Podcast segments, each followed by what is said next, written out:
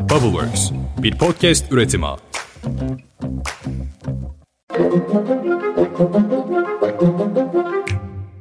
5 dakikada dünya gündemine hepiniz hoş geldiniz. Bugün 30 Aralık 2022, ben Özlem Gürses. Yılın son iş gününde farklı bir bölüm yapalım istedik. Sadece iki haber vereceğim. Arkasından 2022 yılı boyunca kazandıklarımızı, kaybettiklerimizi hatırladığımız özel bir bölüm dinleyeceksiniz. Belki bu yıl atlattıklarımızı duymak, 2023 yılında atlatacaklarımız için cesaret verir. Hadi başlayalım. Bugünün büyük haberi şu, İstanbul'da doğalgaza indirim geldi. Doğalgaz fiyatına Ocak ayından itibaren %12 indirim uygulanacak. Aylık doğalgaz faturası 1000 lira olan bir abonenin yeni faturası 879 TL'ye düşecek. Bu arada Rusya'da BOTAŞ'ın 20 milyar dolarlık doğalgaz borcunu erteledi. Hatırlayalım BOTAŞ mali krizi nedeniyle Rus doğalgazının bütçesini ödeyememiş hatta Deutsche Bank'tan kredi çekmek zorunda kalmıştı. Gördüğünüz gibi Putin'in Erdoğan'a desteği güçlü bir biçimde sürüyor. Dün Moskova'da bir araya gelen MİT Başkanı Hakan Fidan, Savunma Bakanı Hulusi Akar ve Suriyeli mevkidaşlarının toplantısı da çok olumlu geçmiş. Dışişleri Bakanı Mevlüt Çavuşoğlu bir açıklama yaparak Suriye rejimi Suriyelilerin ülkelerine geri dönmesini istiyor dedi. Sizin anlayacağınız Esed yine kardeşim Esad olacak. Haberler bu kadar. Gelelim 2022 yılının bir panoramasına. Türkiye'de Covid anılmaz oldu, müsilaj sorunu unutuldu, İstanbul Sözleşmesi'nden çıkıldı, ormanlar yandı, sel evleri yıktı. Bartın'da maden faciası yaşandı, Düzce'de deprem oldu, İstiklal'de bomba patladı. Hepsini atlattık. Peki o sırada dünya ne haldeydi? 2022 rekor kıran erimenin ilk belirtileriyle Avrupa Alplerindeki buzullar üzerinde olağanüstü ağır bir bedel ödetti. Grönland buz tabakası ardarda 26 kez kütle kaybetti ve Eylül ayında ilk kez Kuzey Kutbu'nda kar değil yağmur yağdı. Gerçek zamanlı veriler küresel sera gazı emisyonlarının 2022'de artmaya devam ettiğini gösteriyor. Karbondioksit ve metan gazı salınımını hala azaltamadık. Kuraklık Doğu Afrika'da 36 milyondan fazla insanı etkiledi ve birçoğunu kıtlığın eşine getirdi. Doğu Afrika'daki insanlar kuraklıktan muzdaripken Batı Afrika'da, Nijerya, Kamerun, Mali ve Nijer'de 600'den fazla insanın ölümüyle sonuçlanan sel felaketlerinde 1 milyon 300 bin insan da yerinden oldu. Pakistan'ın bazı bölgeleri sular altında kaldı. 7 milyon kişi evini terk etti ve 30 milyar dolardan fazla hasar yaşandı.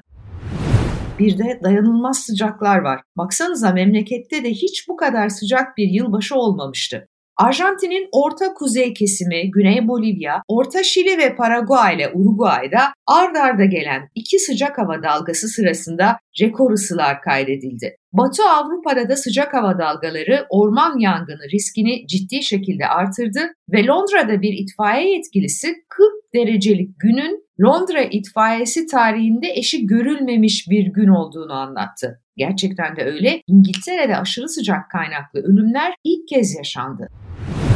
2022'de bir de salgınlarla boğuştuk. Covid-19 bu yıl önemli ölçüde azaldı ama küresel maymun çiçeği salgını devam ediyor azalsa da. 27 Kasım'dan bu yana Uganda'da neyse ki hiç Ebola vakası görülmedi. Bilim yol alıyor.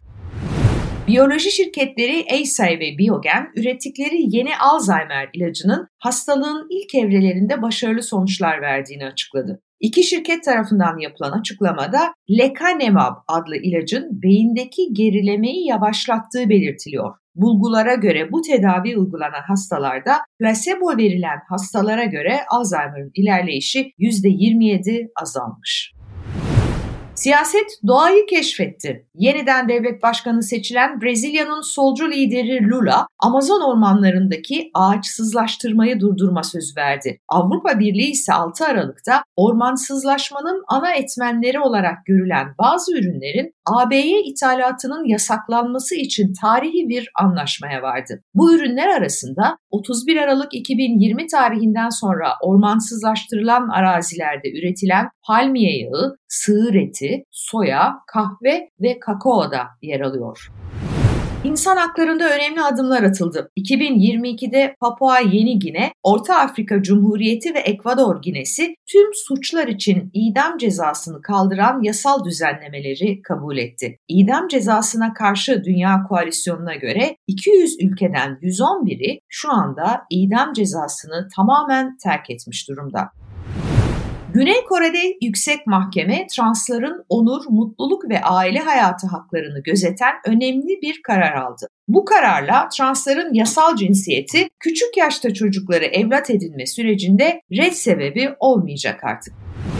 İsviçre'de ise eşcinsel evlilikler halka soruldu. Yapılan referandumda halkın yaklaşık üçte ikisinin yasal olması yönünde oy kullanmasının ardından eşcinsel evlilikler yasallaştı. Slovenya'da benzer bir gelişmeyle Anayasa Mahkemesi kararını takiben eşcinsel evlilikleri yasal hale getirdi. Küba, eşcinsel evlilikleri ve eşcinsel çiftlerin evlat edilmesini yasal hale getiren ilk komünist ülke oldu. Japonya'nın başkenti Tokyo'da eşcinsel çiftlerin konut, ilaç ve sosyal yardım konularında evli çiftlerle aynı haklardan yararlanmasını sağlayan ortaklık sertifikası programı uygulanmaya başlandı. Singapur parlamentosu ise İngiliz sömürge döneminden kalma ve erkekler arasında cinsel ilişkiyi suç sayan bir yasayı yürürlükten kaldırdı. İskoçya, regl dönemi için hijyen ürünlerini yasal bir hak olarak ücretsiz sunmaya başlayan ilk ülke oldu.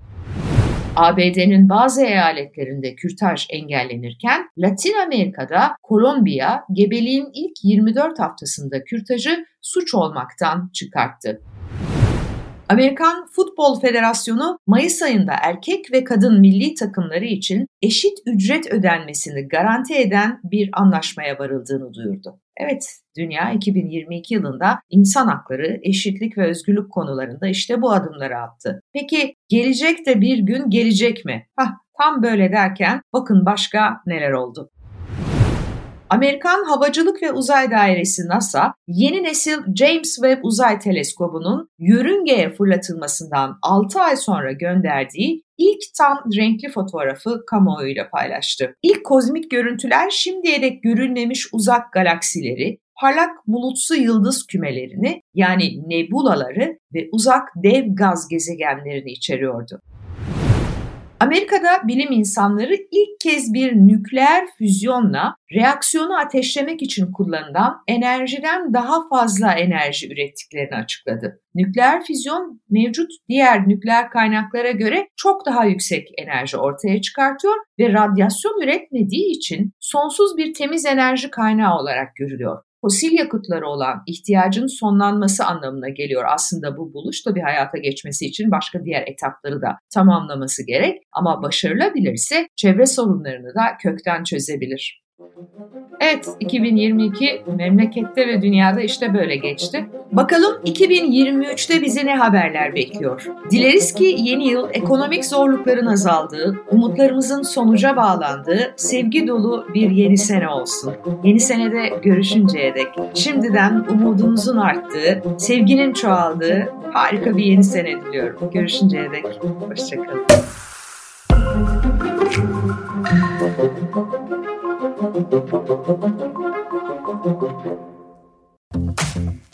Bubbleworks bir podcast üretimi.